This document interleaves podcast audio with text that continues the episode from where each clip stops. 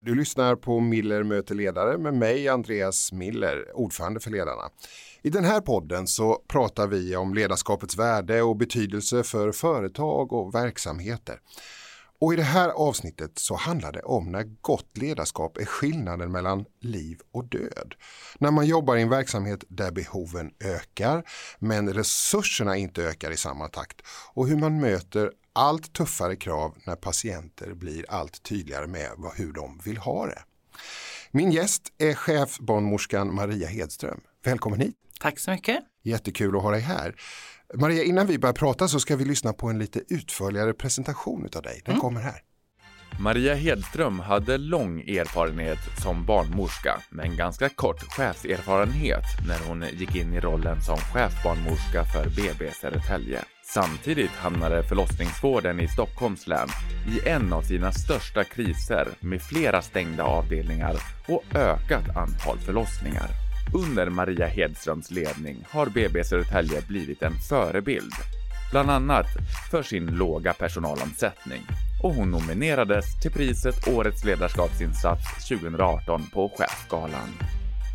Ja Maria, det där är ju en, eh, en, ett CV eller vad ska jag säga, en lista som blir väldigt intressant att prata om tycker jag. Mm.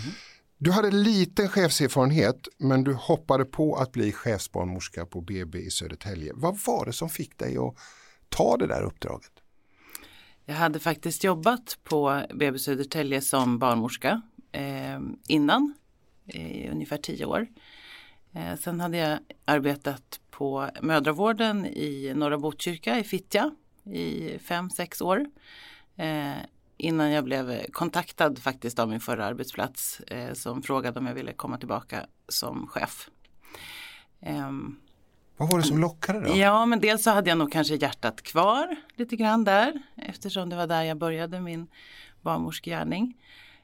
Um, och sen så hade jag då varit chef för den här lilla mottagningen med åtta medarbetare uh, och tyckte att det, ja men jag tyckte om att ha möjligheten att påverka på det sättet som man har när man är chef och ledare. Mm. Eh, vad, det, vad, vad, är det där du tycker om? Vad är det? Jag tänker att alla människor har eh, ett utrymme att påverka oavsett vad man gör eller vad man har för funktion. Eh, och på något sätt så har man också ett ansvar att använda det utrymme man har.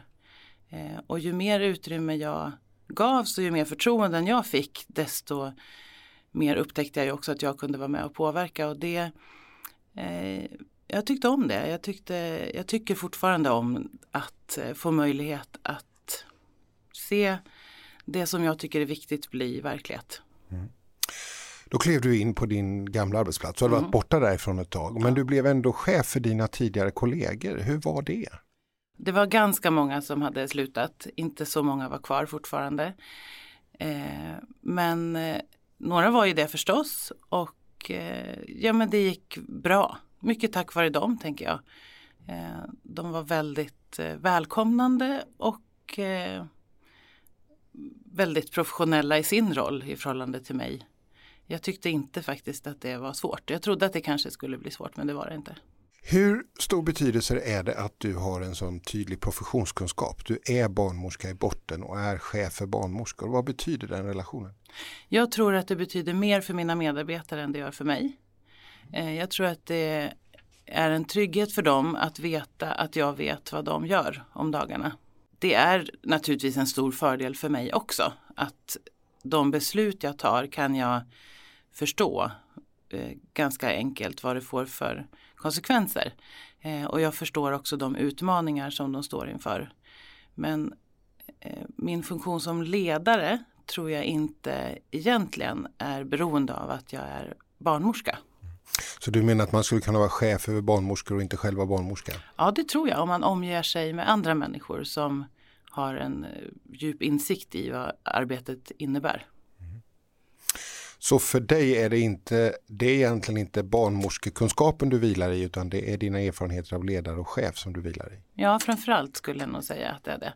Sen tror jag att kanske just barnmorskeyrket är ganska specifikt på det sättet att det är väldigt djupt rotat i ens identitet.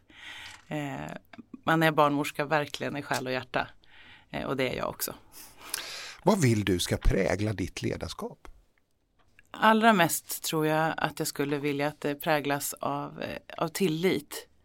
Eh, av min tillit till mina medarbetare och deras tillit tillbaka. Jag tycker det är väldigt vackert att det svenska ordet tillit är liksom eh, fram och baklänges på det sättet. Så att, man, så att det är verkligen ömsesidigt och så är det ju. Eh, det har inte jag tänkt på. Nej, det är fint, ett anagram. Det, ja, ja, det är väldigt det, vackert. Anagram, mm. ja. Mm.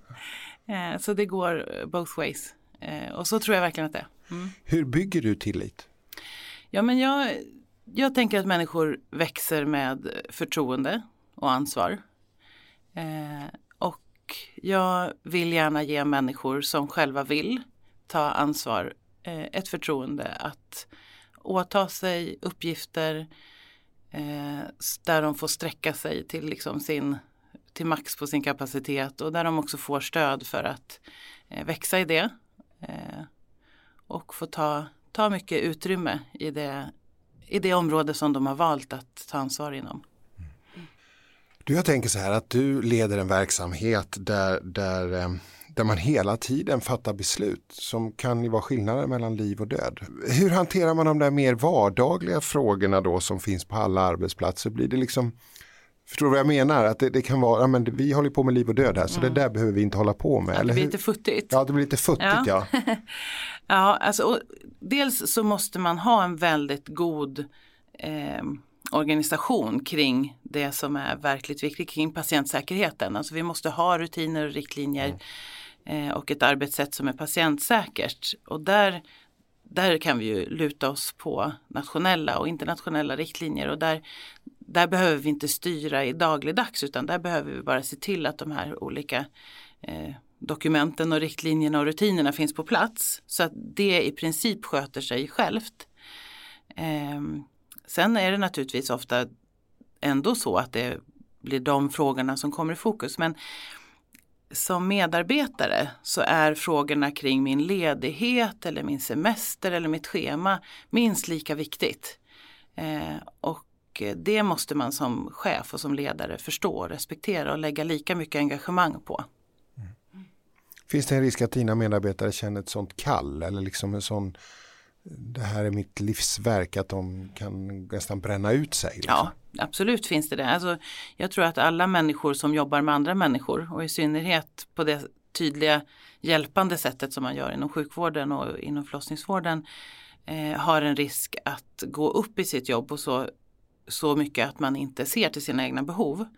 Eh, och vår organisation och vår verksamhet ser också ut så att vi i alla fall understundom har så hög arbetsbelastning att man har inte möjlighet att ens gå på toaletten eller äta lunch.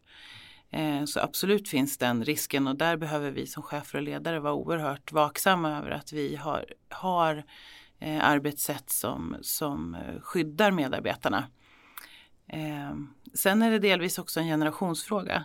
Eh, jag tycker att yngre generationer av barnmorskor och undersköterskor eh, inte har samma eh, tradition av att se det som sitt kall utan man har eh, lättare att uttrycka sina egna behov och önskemål som medarbetare.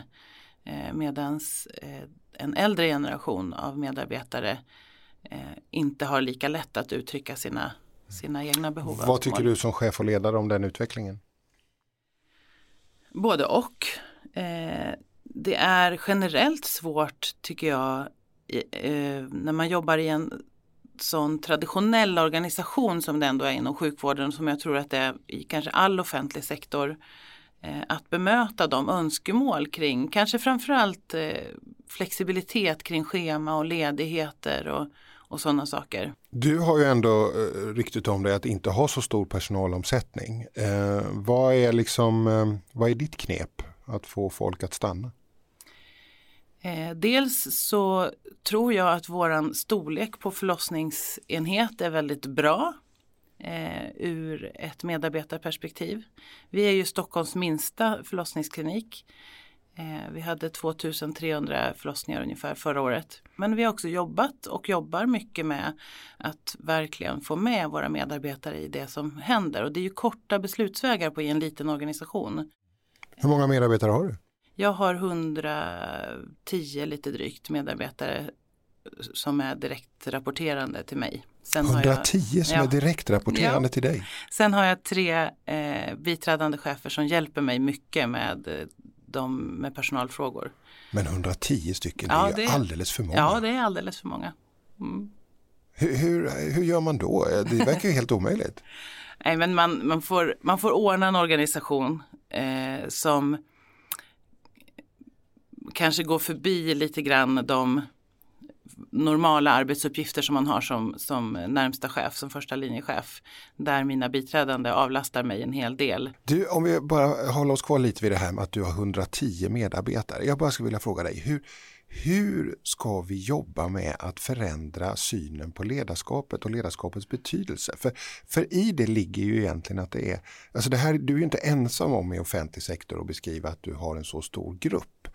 Vad, vad, behöver vi göra för att förändra det här, det här synsättet? Jag är faktiskt övertygad om att det är en av de viktigaste frågorna för att lösa rekryteringen och eh, nyrekryteringen till sjukvården. Eh, det är att se till att medarbetarna har närmare relation till sin chef. Helt enkelt att cheferna har mindre grupper att jobba med. Därför den generation som kommer nu nöjer sig inte med att vara en i mängden på det sättet. Man vill ha en mycket tydligare feedback, återkoppling, eh, utvecklingsplan eh, än vad tidigare medarbetare inom sjukvården har nöjt sig med. Så jag, jag, tror att man måste göra om den organisationen. Man har varit lite rädd för chef, att ha för många chefer inom, förlossnings, eller inom sjukvården överhuvudtaget. Eh, man har sett att det inte är bra att jobba på det sättet. Men jag tror att det är helt oundvikligt för att vi ska kunna rekrytera och bli en attraktiv arbetsplats. Om du liksom fick resa tillbaka och, och till tiden när du skulle börja det där jobbet eller det jobbet du har nu, vad, vad, skulle du säga till dig själv med de erfarenheter du har idag? Ja, jag, jag, vet, jag tycker att det är ganska bra att vi inte vet vad som ska hända framöver i livet. För jag tänker att man kanske inte skulle våga så mycket då. Eh, jag har en ganska hög grad av inre tillit. Jag tänker nästan alltid att det här kommer att gå bra. På ett eller annat sätt så kommer det här att gå bra. Och det har jag vilat i under hela hela den här resan och jag har tagit en dag i taget och det kanske är egentligen det rådet jag skulle ge mig själv faktiskt också. Men sen skulle jag nog också se till att få en bättre organisation, stödorganisation kring mig med biträdande chefer och vårdutvecklare och så som jag nu har på plats och är jätteglad över. Det hade jag kanske behövt även tidigare. Podden Miller möter ledare i det här och eh, dagens gäst är Maria Hedström, eh, chefsbarnmorska på BB Södertälje. Du, en av de starkaste samhällstrenderna är ju att vi som är kunder eller som i ditt fall då patienter oavsett vad det handlar om ställer allt större krav på service eh, och man blir allt mer kunnig och man googlar och man vet nästan mer tycker man än barnmorskan eller läkaren man träffar. Hur påverkade det där dig som verksamhetschef? Det där är någonting som vi bara måste hänga med i och eh, omfamna tror jag och inte försöka motarbeta och där är det en ganska tydlig trend i hela sjukvården skulle jag säga och kanske i synnerhet i förlossningsvården där man har haft ett eh, tydligare fokus på vad patienterna eller de födande själva vill och önskar under en längre tid. Men det kommer ganska tydligt i alla olika specialiteter inom sjukvården eh, med eh, Eh, patientsamverkan och sådana saker. Och, och, där tänker jag att vårt nästa steg i förlossningsvården det är att gå från att ta tillvara den enskilda kvinnan och familjens önskemål. Det har vi varit bra på ganska länge. Men att också ta in eh, deras perspektiv när vi utformar våra arbetssätt och rutiner och så. Och, och det känns väldigt spännande. Att det är... hur, hur då? Hur ska, hur ska man, ja, man kan ha med sig, alltså när man ska göra en större organisationsförändring så kan man ha med sig ett antal kvinnor som har fött hos oss till exempel eller som är gravida. Både i smått och stort. Jag, tänker, jag försöker då och då gå runt på våran avdelning och bara gå in i ett random rum och säga hälsa på och säga att jag är chef här och jag skulle gärna vilja höra vad ni tycker om att vara här och finns det något som ni tycker att vi borde ändra på eller är det något som du vill att jag ska ta, liksom, ta tillvara av dina mm. synpunkter. Det är vad väldigt får, roligt. Vad får du för respons på det? Ja men en del blir ju mest bara väldigt eh, förvånade och, och, och, så men de flesta blir väldigt glada och delar generöst med sig av sina erfarenheter, både ris och ros. Jag tycker människor ofta är modiga i att faktiskt också våga säga det som inte fungerar. En annan aspekt på patienternas krav är ju att det nu finns stora grupper utlandsfödda som inte kan svenska så bra. och kommer till dig och dina medarbetare och ska föda. Och du, jag vet att du har haft ett särskilt engagemang för det här. Hur mm. uppstod det? Eh, det började nog kanske när jag jobbade Framförallt så, så började det när jag jobbade på Södertälje som barnmorska och såg att de kvinnor som inte talar svenska och som inte känner till det svenska sjukvårdssystemet var väldigt mycket sämre förberedda för sina förlossningar än svensktalande kvinnor. Eh, det var också det som gjorde att jag valde att eh, sluta och börja jobba i Norra Botkyrka som har en nästan hundraprocentigt utlandsfödd eh, befolkning i barnafödande ålder i alla fall. Vad var det du såg med, hos de här kvinnorna? Var det liksom vad var, det, vad var det de inte visste? Vad var det de... Eh, dels, dels så kunde det vara eh, naturligtvis rent eh, kunskapsmässiga brister som handlar om att de inte hade samma kunskaper om, om hur kroppen fungerar eller hur hur barnafödandet skulle ske. Men det, de har ju också med sig en historia av att ha flytt många.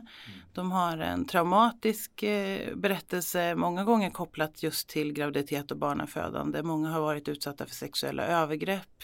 Många har förlorat sina barn. Man kanske har flytt över Medelhavet i gummibåtar, gravid eller fött barn eh, under de omständigheterna. Och eh, man kommer till Sverige för att få en ny framtid och behöver få hjälp att eh, komma upp på samma nivå av självbestämmande som svensktalande kvinnor och familjer har.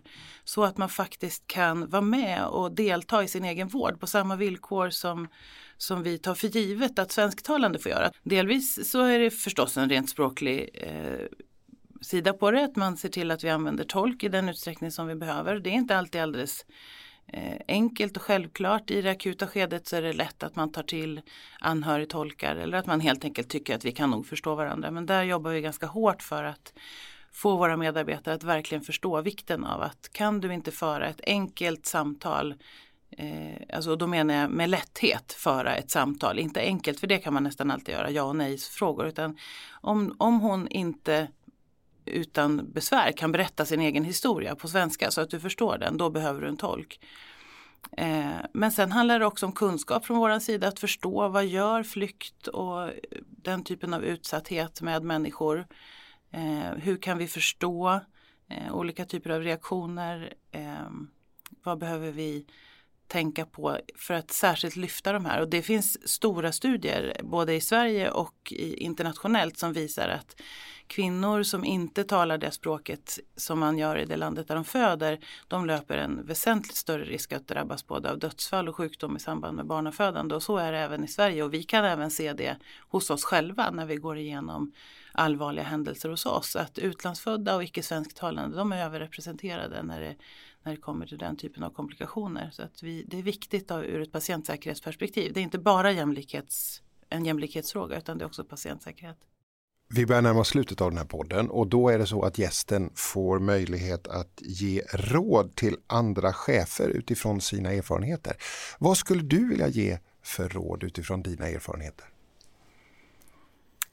Ja, jag tänker att eh, egentligen så, så måste man ju ta den utmaning som kommer för en själv.